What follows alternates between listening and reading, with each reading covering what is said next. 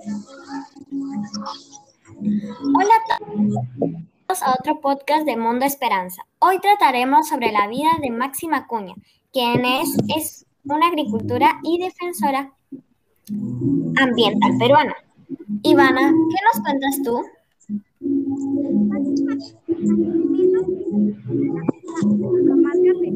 Es una agricultora y ambientalista de Estados Unidos. Ella es conocida por defender los derechos derechos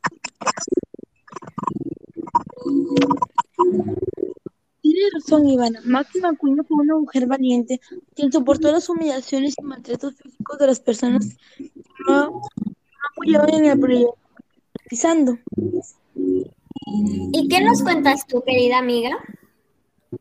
Gracias, Gaby. Como dijo mi compañera Valentina, Máxima Acuña es una mujer muy luchadora, que no se rinde fácilmente, y ya que sigue luchando por los derechos de agua y de los indígenas, a pesar de los hostigamientos e intimidación. Claro que sí, Mercedes. La comunera cajamarquina Máxima Acuña, conocida por resistir los intentos de desalojo de su propia tierra, impulsados por la minería Yacocha, el 12 de abril de 2016, Máxima Acuña fue galardona con el premio medioambiental Goldmart por su lucha en defensa del medio ambiente.